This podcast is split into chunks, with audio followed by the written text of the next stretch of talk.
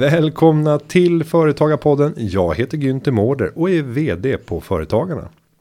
Och jag heter Malin Pauls Hansson och jag är näringspolitisk expert här på Företagarna med ansvar för kompetensförsörjningsfrågor och digitalisering. Välkommen Malin, vår alldeles särskilda gäst för dagen. Tack Günther. Under de här veckorna där vi fortfarande försöker utkristallisera vad ska bli av företagarpodden efter att Julia valde att lämna landet för Silicon Valley så har vi bjudit in några av de mest kunniga personerna inom företagarna, några av våra experter som har särskilda ansvarsområden.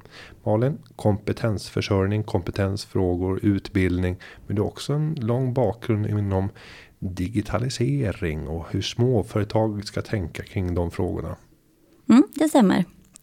Eh, och bakom det här så vill jag också säga att jag har en liten udda bakgrund kopplat till det här också. Och det är faktiskt att jag är utbildad logoped.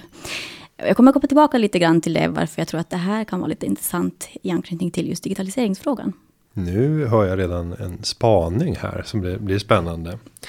Men om vi går på kärnan på direkten och funderar över digitaliseringen. Den finns på allas läppar, men den finns kanske inte alltid top of mind om vi pratar om den vanliga företagaren ute i Sverige. Mm. Varför skulle det här vara viktigt att engagera sig?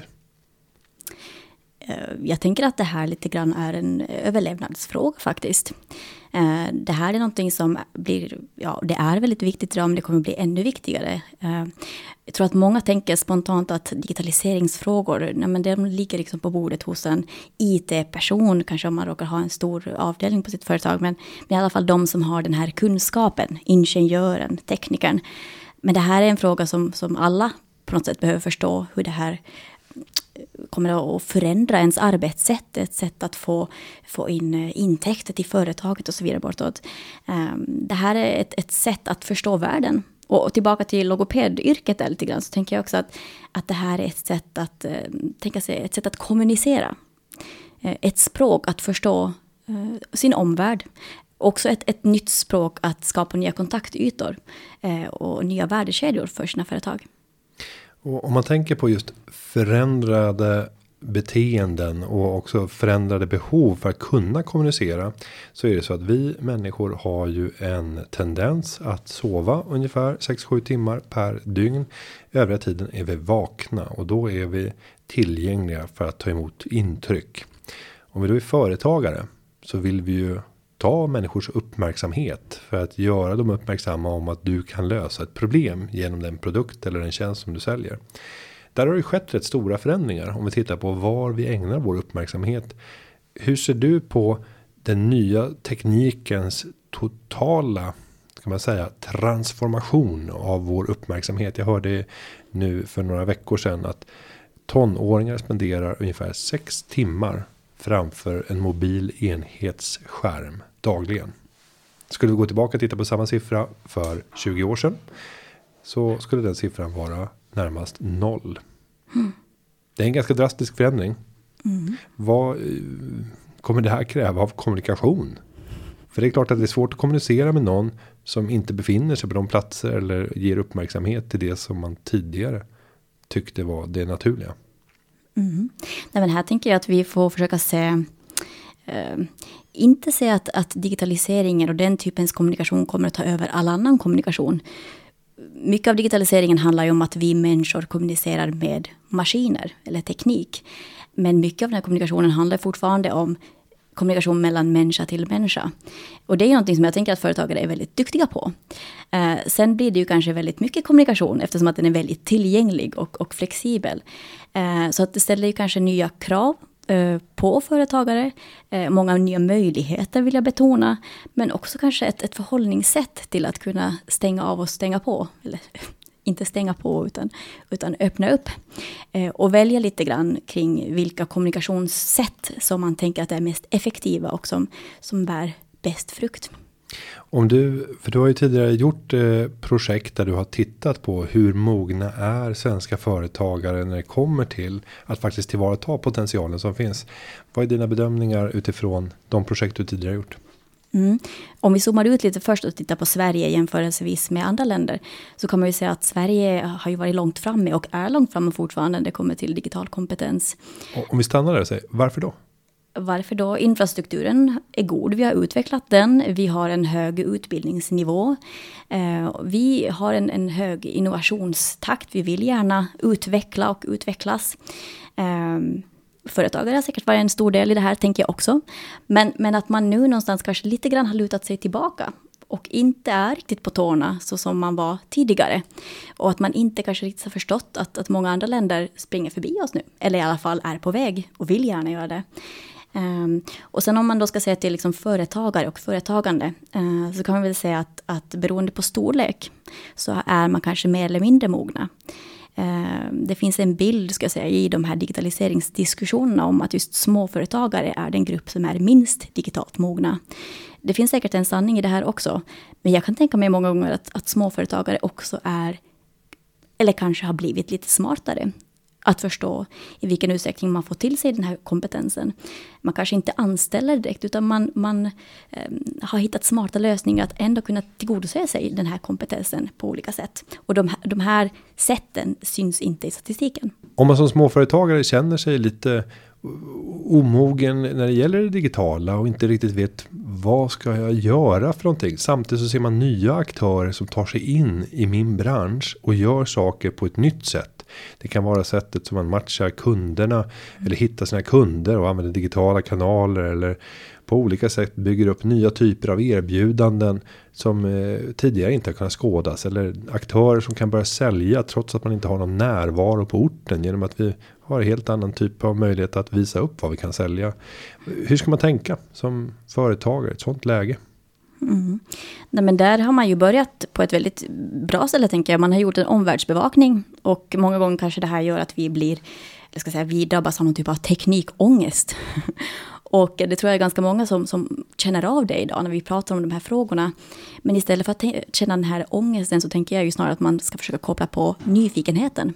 Och om det är någonting som jag tänker att företagare är duktiga på så är det väl just att vara nyfikna, att vara kreativa och, och våga se då den här utmaningen med att andra eh, springer förbi eller springer före i att tänka att okej, okay, men jag behöver kanske inte uppfinna hjulet igen utan jag kan spana på hur gör man i, eh, i Japan, hur gör man i, i Finland, hur gör man i andra länder med, på liknande företag som man själv har. För att någonstans kunna eh, omvärldsbevaka och inspireras snarare än drabbas av just den här teknikångesten. Um, sen så tänker jag också att en viktig del i det här är väl att man tar ett steg tillbaka och gör sin analys. Vad har jag för visioner med mitt företag? Är det den här vägen som grannen här som jag inspireras av, är det ditåt jag vill gå? Eller, eller vilken väg vill jag gå och vilka kompetenser kommer jag behöva för att kunna ta det steget? Och jag sitter och tänker på för många av de som är lite mer mogna och erfarna som kanske har gjort samma sak under under 20 års tid så har man liksom lärt sig de grekromerska greppen. Man vet precis hur marknaden ska tas och att då ställa om och göra saker och ting väldigt annorlunda blir väldigt jobbigt och så kanske man ser att men jag har bara 10 år kvar av företag. Jag orkar mig inte till med sådana här nymodigheter. Men just att öppna upp och tänka hur kan jag få in en framtida generation redan idag? Kan få in andra människor som för dem så förefaller det här vara lika naturligt som vad som helst annars eh, och som tänker andra banor och som skulle kunna komma in och förnya. Men då handlar det också om att man måste våga släppa ansvar och våga delegera, ge friheter åt en sån ny person att kunna utveckla verksamheten. Mm. Eh, Ja, hur, hur, tänker du? För att det här är inte så lätt. Det är väldigt få företagare som jag möter ute i Sverige som med, ja, de kan med lätthet se att behovet finns. Men när man väl kommer till kritan att överhuvudtaget hitta vem är den här personen. Och om man hittar en person att våga släppa efter, släppa kontroll, kanske över tid, även delägande. Det är inte självklart. Mm.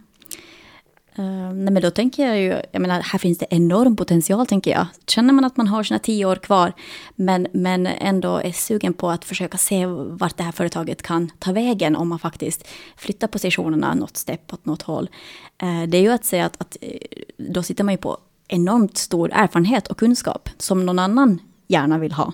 Och det är ju framförallt, tänker jag, unga personer och studenter som, som kommer in med, med den här nyfikenheten och, och saknar den här erfarenheten. Men studenterna i sin tur och, och de unga många gånger utan utbildning också som har lärt sig de här teknikspråken eh, eh, på egen väg de, vill, de kan ju förmedla det här då till, till den här äldre företagaren och gör det gärna. Det kanske finns eh, studenter som vill ha extrajobb också, eller exjobb, där man vill försöka förankra eh, sina teorier på, på något verkligt case.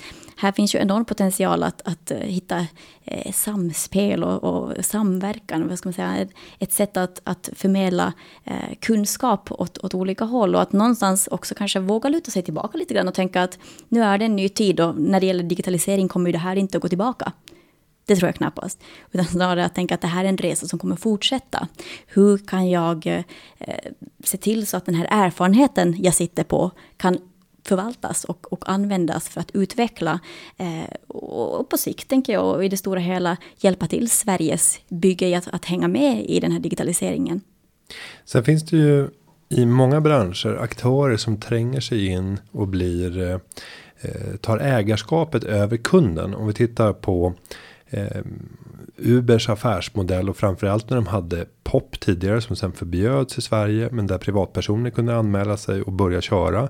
Ja, där är det ju plattformen som äger kundrelationen och sen finns det andra som är underleverantörerna och levererar tjänsten. Samma sak är det ju på Airbnb. Det är vi som är underleverantörer som privatpersoner till en plattformsbolag som äger kundrelationen. Det finns ju stora fördelar med att du har en professionell ägare av kundrelationen för de kan nå ut marknadsmässigt. Du kan komma ut med din produkt på ett helt annat sätt än vad du hade klarat annars eller den tjänst som du erbjuder. Men nackdelen är att du blir slav under deras villkor. Det blir ju väldigt svårt att i många av de här lägena kunna påverka prissättningen själv utan du blir en slav under den som äger kunden och det är den som äger kunden som också kommer att ha de stora värdena. För att de tar väldigt små risker mm. i varje enskild affär. De har tagit en stor risk för att bygga plattformen mm. och att bygga en stor. Men hur ska man tänka om man står som en företagare inför valet att antingen går jag in under det här plattformsskalet och blir en sån här underleverantör. Eller så bestämmer jag för att jag ska fortsätta kriga och nu har jag det här plattformsbolaget som, som en av mina konkurrenter. Mm. Hur tänker du? Um, jag tror att igen ett steg tillbaka och fundera så här, men vad, vad är det jag vill åt? Vilka är mina potentiella kunder? Uh, vilket språk pratar de? Uh, är jag beredd att, att ge mig in i en sån konkurrenssituation med en sån här stor jätte som många gånger liksom monopoliserar marknader uh, till viss del? Eller har jag kommit på en nisch som, som den här plattformen inte riktigt eh, kommer att kunna utvecklas till på grund av sin volym eller vad vet jag. Eh, så att någonstans göra den grundanalysen till en början tror jag är väldigt viktig. Men sen tänker jag, eh, om det är någonting vi är duktiga på i Sverige, det är just att att eh, vara innovativa och kreativa och hitta nya lösningar. Och jag menar, vi vill ju ha de här stora företagen också. Eh, de små som blir stora i att hitta bra kreativa lösningar. Vi kanske har något nytt liknande Uber på gång i Sverige också just nu. Vad vet jag? Kanske någon av er som lyssnar. Um, och, och, där tänker jag att, att hellre våga testa än att, att ge sig hän till de här stora plattformarna. Ja, för det är ju alltid en, en utmaning när man ser hur hela marknaden transformeras. Men en tanke som jag har det är ju också att veta att för att det här plattformsbolaget ska kunna överleva så kommer ju de kräva en lönsamhet. Det innebär att de måste addera på någonting ovanpå det underleverantörerna ger som pris för att överhuvudtaget kunna tjäna några pengar. Och där finns det ju en fördel. Där har du ett spelutrymme. Alltså deras lönsamhet kan tillfalla dig om du lyckas leverera med samma enkelhet eller med samma kvalitet eller service som de lyckas med. Du kan inte tävla på alla moment, men jag tror att det fortfarande finns ett väldigt stort utrymme för lokala spelare om man har en service som särskiljer sig enormt. Och då handlar det snarare kanske om en, en service där man går står beredd att gå flera steg längre än vad man tidigare gjorde. Ta så här ett exempel på en radio och tv-handlare lokalt i en mindre stad i, i Sverige. Så kan man ju tänka sig, nu är det inte många av dem som är kvar överhuvudtaget. För de flesta köper istället hos någon av de, här jättebutikerna med hemelektronik eller direkt via nätet. Men av de som finns kvar så blir det väldigt svårt att konkurrera med de priserna som finns på nätet eller som finns i megastores. Mm. Men om man erbjuder förlängning på det här och säger att det kommer in en kund som vill köpa en tv och ett bra ljudsystem till den som ska installeras inte långt ifrån den butik som du har. Mm. Vad kan du göra i termer av hembesök som ingen av de här andra aktörerna kommer kunna erbjuda? Mm. Har du även kontakter med hantverkare eller kan du till och med utföra hantverk själv? Kan du gå hem till personen och göra en analys över för du kan ju dina produkter. Vilka högtalare skulle du rekommendera för ett sånt här typ av rum? Mm. Vilken tv är välavvägd i förhållande till var du har soffan mot den här väggen? Eh, och på så sätt kunna skräddarsy en upplevelse och även i det läget kunna gå runt i hemmet och jag menar, det blir en väldigt personlig relation. Titta, finns det någonting annat som den här kunden skulle kunna tänkas behöva? Det där kommer inga näthandlare, det där kommer inga megastores att kunna erbjuda. Så en ovanlig service som går längre än någon annan, men där det fortfarande finns ett utrymme att eh, ta betalt. Jag ställer frågan till dig Günther. Vilken leverantör hade du valt? Eh, för mig så är jag ju mycket av det där att göra jobbet själv. Mm. Men jag vet samtidigt att vi har en generation som nu växer upp. Som står beredda att leja bort hur mycket jobb som helst. Mm. Och jag kan i vissa lägen skämmas över alla de arbetstillfällen som jag eh, erövrar. Eller ska jag säga inte erövrar men som jag stjäl. Från andra som inte har jobb. Jag utför mängder av arbetsuppgifter Mm. Som jag inte ens är bättre än snittet på i Sverige. Jag skulle kunna ta in den genomsnittliga människan i Sverige. Och den personen skulle kunna göra det jobb som jag gör. Men med en högre grad av kvalitet. Och snabbare än vad jag, jag gör. Då tänker jag till exempel på städning. Mm. Jag städar och tvättar och lagar mat och gör allting i mitt hem själv. Mm. Det har nog att göra med min ådra av hashtag sparad krona. Eh, men det är helt irrationellt. Det är helt irrationellt på grund av att jag hade kunnat använda den tiden som jag tvingas lägga på det här. Vilket summa som och jag, jag hämtar ju även barnen från, från förskola och från skola. Och, och om man räknar ihop all den tiden och där man skulle kunna köpa in hjälp så tror jag att jag skulle kunna frigöra 15-20 timmar av produktiv tid som jag skulle kunna ägna åt någonting som jag är bättre än snittet på i Sverige. Mm.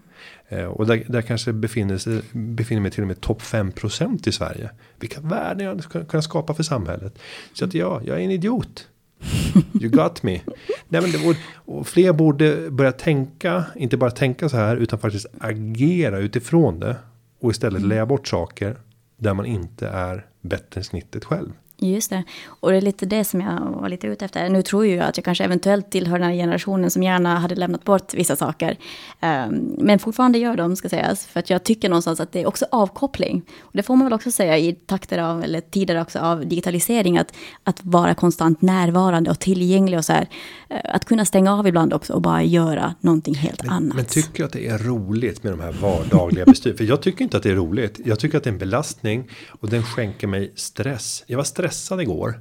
Eh, trots att jag inte hade barnen så eh, skulle jag liksom städa. Man kan tänka sig att men i med lurarna, sätt på någon skön podd. Eh, bara gör det. Men för mig så blir det så här, jag, jag, känner en stress över det. Mm. Och det är ju inte bra. Nej. Men då tänker jag så här också. Ja, du, du har ju självinsikt Günther. Jo. Du kan förändra ditt beteende tänker jag. inte ett hopplöst fall? Eller? Nej, det tror jag Nej. inte. Men, men, tillbaka lite grann till frågan tänker jag. Ja, du tänker så. Mm. ja. Eh, så tänker jag ju att om det är någonting man pratar väldigt mycket om nu i tider av digitalisering och, och så vidare. Och den här reformationen som vi kan säga att vi är inne i. Eller ja, vad man vill kalla för revolutionen. Uh, någonting man lyfter fram väldigt mycket är ju aspekter av social kompetens och kreativitet. Så de spelarna som är duktiga på det här eh, kommer ju att vinna väldigt mycket på eh, att, att eh, ta tillvara på de här kompetenserna för att kunna eh, vad ska säga, erbjuda någonting nytt, erbjuda en, en upplevelse på ett annat sätt eh, bemöta kunderna på ett annat sätt. Så då tänker jag ju spontant att faktiskt kunna se till eh, att effektivisera och digitalisera processer som inte kräver en handpåläggning av dig Günther till exempel. Mm. och faktiskt se till så att det här mänskliga mötet blir så unikt det kan bli och, och, och trevligt och uh, skräddarsytt det, det arbete du utför. Så tänker jag ju någonstans att, att uh, vi får nöjdare kunder vi får kanske nöjdare företagare som mår bättre för att man har kunnat effektivisera vissa delar som kanske faktiskt är tråkigt, eh, som inte är det som man får energi av, utan kanske snarare det som är energitjuv. Eh, jag tror att det kommer vara en nyckel också, att gå tillbaka till sin kompetensprofil eller kompetensstatus. Vad är det man är duktig på? Vad vill man, vad vill man göra i sitt företag? Och vad vill man se till att görs av sig själv så att säga? Det, sen kan man ju också tänka om man inte själv klarar av att göra resan. Kan jag gå ihop med någon annan som löser ett av problemen som finns i den värdekedja jag befinner mig i. Och ska vi översätta det där till ren och skär företagiska så skulle man kunna börja prata om vad jag gjorde förra helgen tillsammans med barnen. Då var jag på en höghöjdsbana utanför Norrköping. Och då klättrar man i träd och det är vajrar som man är fäst vid och sen så är det jätteroligt. Och jag tror att de flesta skulle kunna genom att bara analysera bilderna som finns i mitt eh, flöde i sociala medier se att ja, men det här är en pappa som verkar ha ett behov av att göra lite roliga saker tillsammans med sitt barn. Så att jag är helt övertygad om att det är ganska enkelt att veta vem man ska rikta marknadsföring. Om man har till exempel en höghöjdsbana. Mm. Då, då, är det ganska mm, lätt att se bara en profil. Vad, vilka man ska rikta budskapen mot. Hade man då haft en sån i Norrköping så vet man att det finns en jättestor marknad. Men som befinner sig nästan två timmar bort härifrån. Och det är ju Storstockholm. Man vet också att det är 20, ja nu är det lite utkant men inte riktigt 20 mil men, men nästan 20 mils resa. Om man ska åka med bil eh, tillsammans med barn. Vad är det som kommer vara utmaningarna? Men någonstans längs den här vägen hade kunnat vara fantastiskt om man fick en glass. Kunna köpa ett helhetspaket där jag även hade ett, ett stopp på vägen där det väntade en present i form av en glass till alla barnen. Och ett litet paket med någonting som man sen skulle använda i nästa upplevelse. Mm. Höghöjdsbanan. Mm. Eh, skulle man även kunna hitta saker efteråt. För då vet man att när personen lämnar den här anläggningen så kommer man vara ganska hungriga. För att man har hållit på ganska länge och där serverades det ingen mat. Och de kommer behöva göra en ganska lång resa hem. Hur förkortar man den resan? Jo, sannolikt genom att resa ungefär 30-40 minuter. För då hinner barnet fortfarande varva ner lite grann. Men det har inte blivit så lång tid att man börjar tjata på när vi är framme. Att då börja knyta ett samarbete med någon som kan servera lösningen. Hungriga barn och hungrig pappa. Så att, hade man gjort ett, ett helhetspaket av det här. Och hittat någon av aktörerna. Antingen den som Eh, var kiosken som sålde, sålde glassen och hade det paketet. Eller restaurangen som kanske hade en digital eh, kunskap. Eller höghöjdsbanan. Så hade kunnat paketera det här. Marknadsföra direkt på Facebook sannolikt. Och där är bara in och tipsar om att vi har sytt ihop ett helhetspaket för dig. En hel upplevelse. Där vi tror att du kan bli sedd som världens bästa pappa i förhållande till dina barn. Här har vi lösningen. Och sen kan du bara krydda på det här. Mm. Del för del. Eller tänk dig den färdiga picknickkorgen som du bara hämtar på vägen ut mot det här friluftsområdet. Och sen på vägen tillbaka finns ett delmål. Ja, där man skapar spänning, en liten skattjakt. Alltså att leka med paketeringar där flera olika aktörer går samman. Det är samma värdekedja. Det handlar om att lösa ungefär samma problem. Jag ska bli en bra pappa.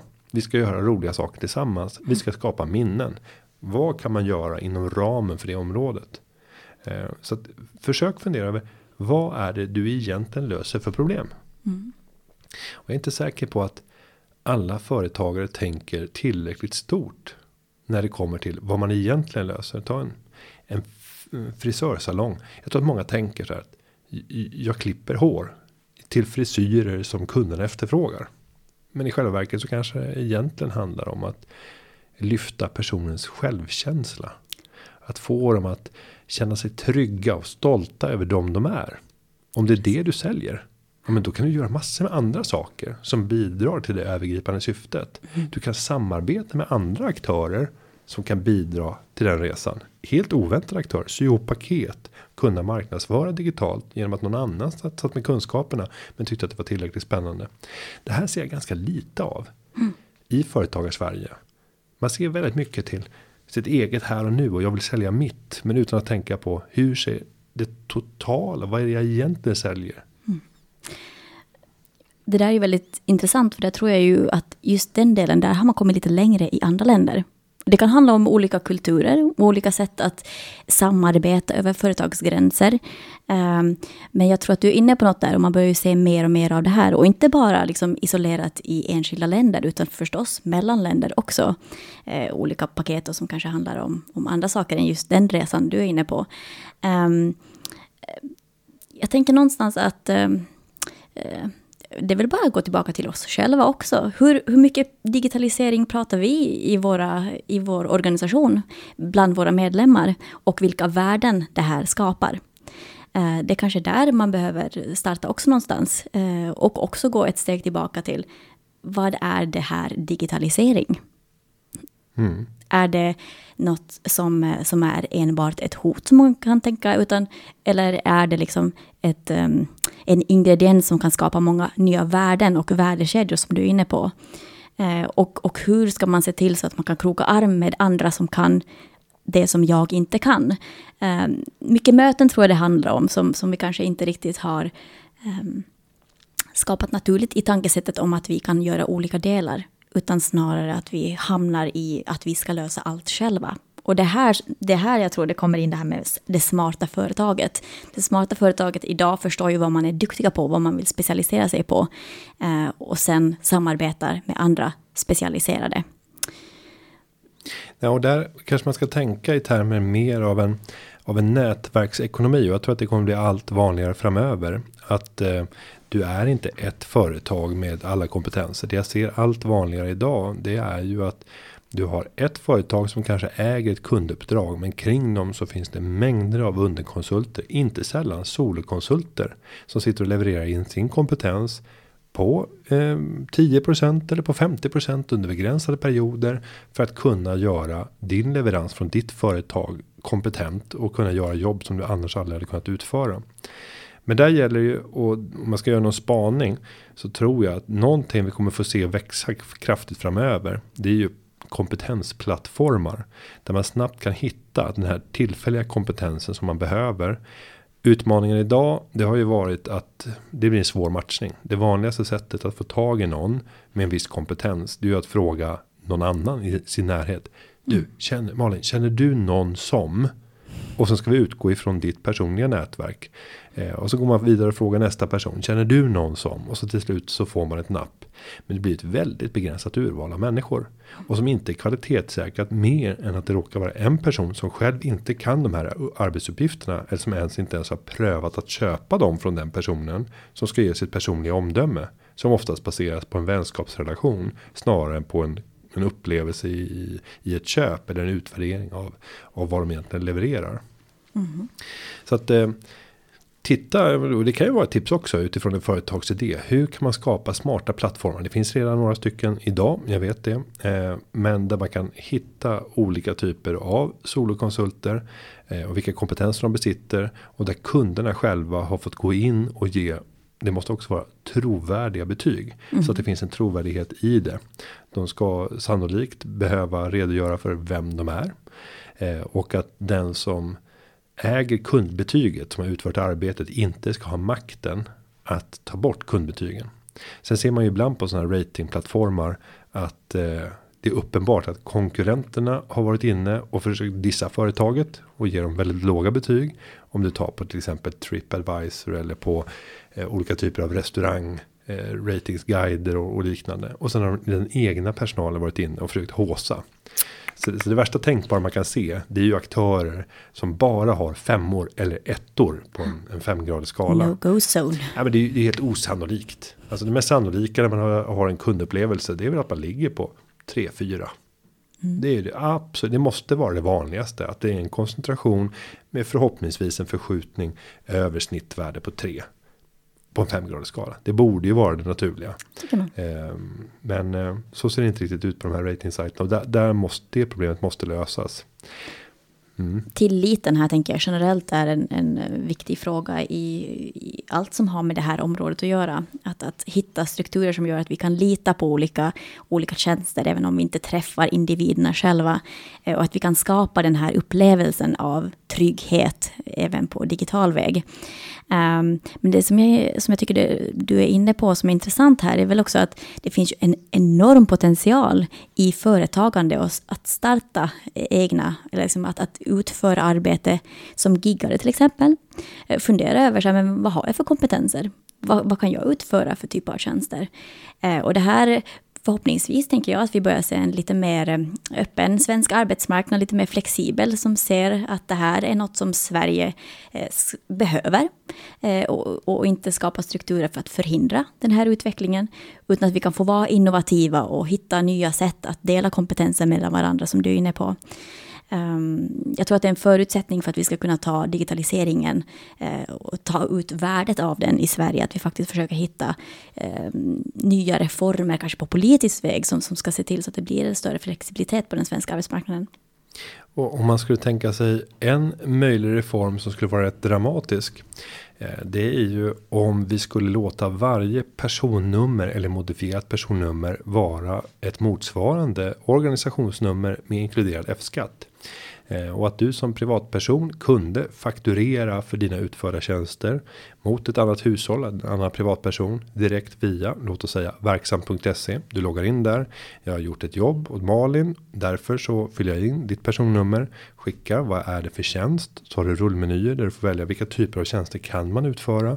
Finns den inte med där? Definiera den nya tjänsten så gör vi plattformen mer och mer kompetent för att på så sätt kunna mäta vad är det för tjänster som utförs i den privata ekonomin eller i, i, i ekonomin mellan hushåll som säljer tjänster till varandra. Eh, I ett sånt här system så skulle man ju även i förlängningen kunna tänka sig eh, och jag ska tillägga att skönheten med sån här modell skulle vara att när jag skickar fakturan till dig för den tjänsten som jag utför. Du betalar den digitalt så transaktionen kan gå omedelbart. Vi kan stå så här öga mot öga och inom två minuter så är det betalt. Men innan jag får ut pengarna på mitt konto så går pengarna via verksam.se till Skatteverket. Preliminärskatten dras innan det kommer ut till mitt transaktionskonto. Så pengarna jag har i, på mitt transaktionskonto är för beskattade med preliminärskatt. Så stämmer skattetabellen så kan du betrakta det som att din lön är nu fådd. Och eh, det där är ju någonting som jag skulle gärna vilja se kopplat till nya typer av digitala plattformar. Tänk vad mycket jag skulle enkelt kunna ta in hjälp med Eh, när det gäller mina dagliga sysslor som jag idag gör trots att jag är sämre än många andra. Mm. Och där du även skulle kunna inkludera de olika typer av politiska reformer som vi har för att stimulera efterfrågan på olika tjänster. Men RUT och rotavdraget är ju sådana typer av tjänster. Men det skulle kunna bli ännu mer specifik. Där man sa att det kanske inte är för vad vet jag, hundpassning som du ska få det här höga avdraget. Utan om det har varit så att du har varit i ett hem och tagit hand om en äldre och eh, hjälpt till med ja, eh, hygien. Det får vi anse vara en viktig uppgift. Mm. Eh, viktigare än att passa hunden i det. Och därför så går vi in och subventionerar det hårdare. Att kunna få sån hjälp. Eh, I det individualistiska samhället där allt färre tar hand om sina egna släktingar så föds en marknad för att andra ska ta hand om dina släktingar.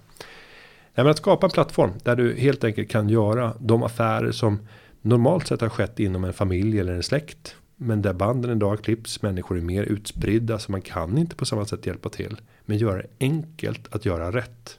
Att mm. inte gå den svarta vägen. För det har ju varit det vanligaste historiskt. Att det är helt accepterat. Tar du in eh, grannflickan eller grannpojken som får hjälpa till och klippa gräset eller passa barnen. Ja, efter arbetets utförande så kommer det över en liten slant där och så, så var det löst. Och det är inte en sån ekonomi vi vill bygga upp. Så att, titta på smarta sätt att utifrån politiskt håll skapa lätthet att göra rätt. Men, men då är jag lite nyfiken att höra också Günther, för jag hör ju att du har ju funderat på det här en del. Mm. vad, vad är det som gör att att vi i Sverige inte riktigt hoppar på det här? Eh, men jag tror att det finns en tröghet om vi pratar om myndigheter. För att göra det här så krävs det ju att Till exempel Skatteverket skulle tycka att det var en väldigt bra idé och börja utveckla funktionaliteten som gör att till exempel ett bolag som Uberpop hade kunnat koppla på en sån här plattform. Så du sa att det här plattformsbolaget får inte verka i Sverige med mindre än att man har kopplat upp sig mot det API som Skatteverket via verksam.se erbjuder. Alla transaktioner som går måste gå in via systemet och preliminärskatt måste dras.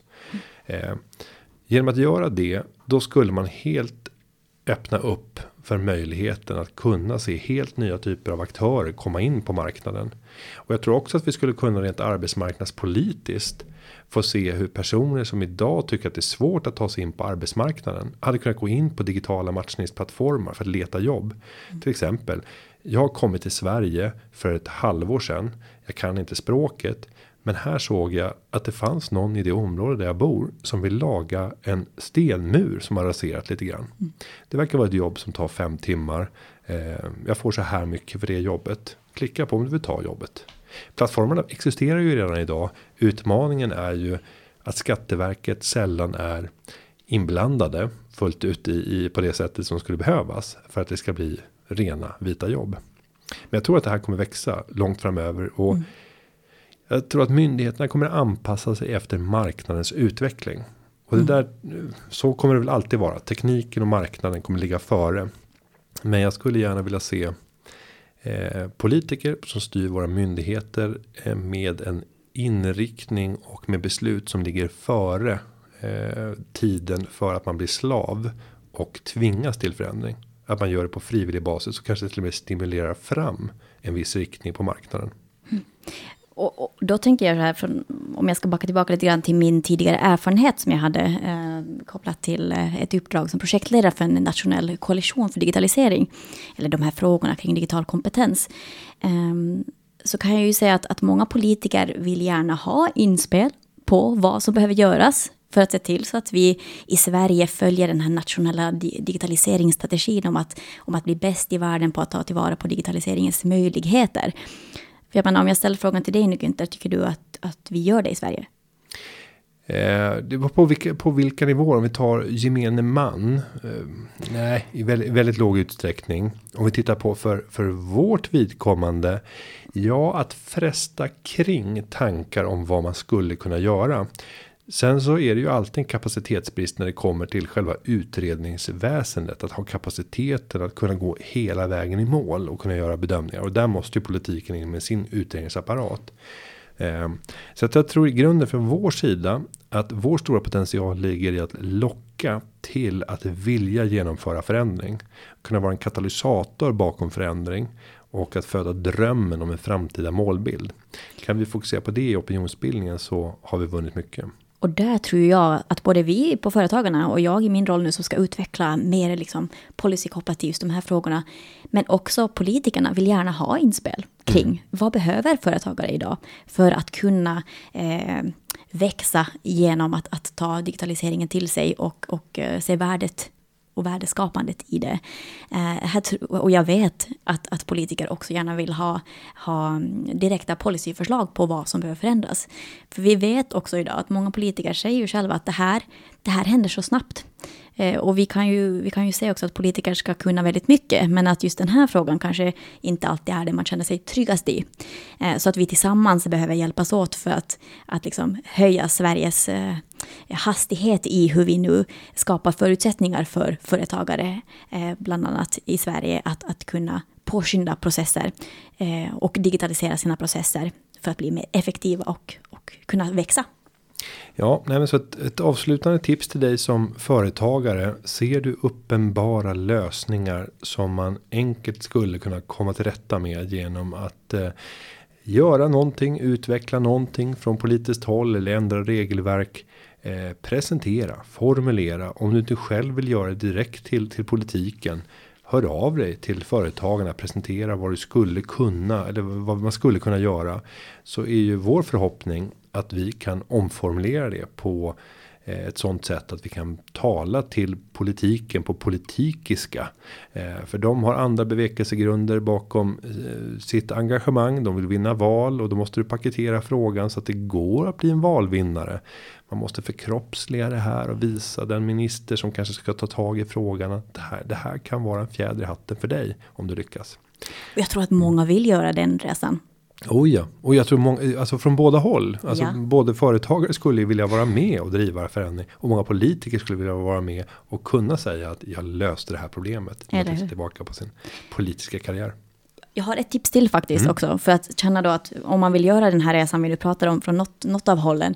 Eh, så finns det nu en, en öppen plattform för just information kring just digitalisering och de här frågorna vi är inne på. Som också riktar sig just till små och medelstora företag i Sverige.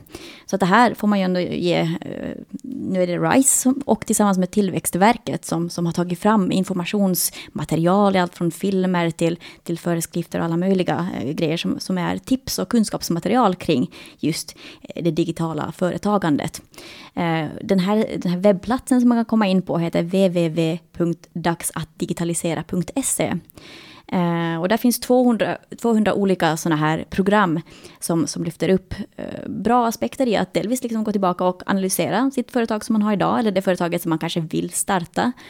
Eh, och också få en bättre omvärldsbevakning i hur, hur den här, det här företaget kommer att kunna utvecklas om man tar, tar till sig de här, de här ingredienserna eller, eller ehm, verktygen. Mm. Ja, men ett bra avslutande tips.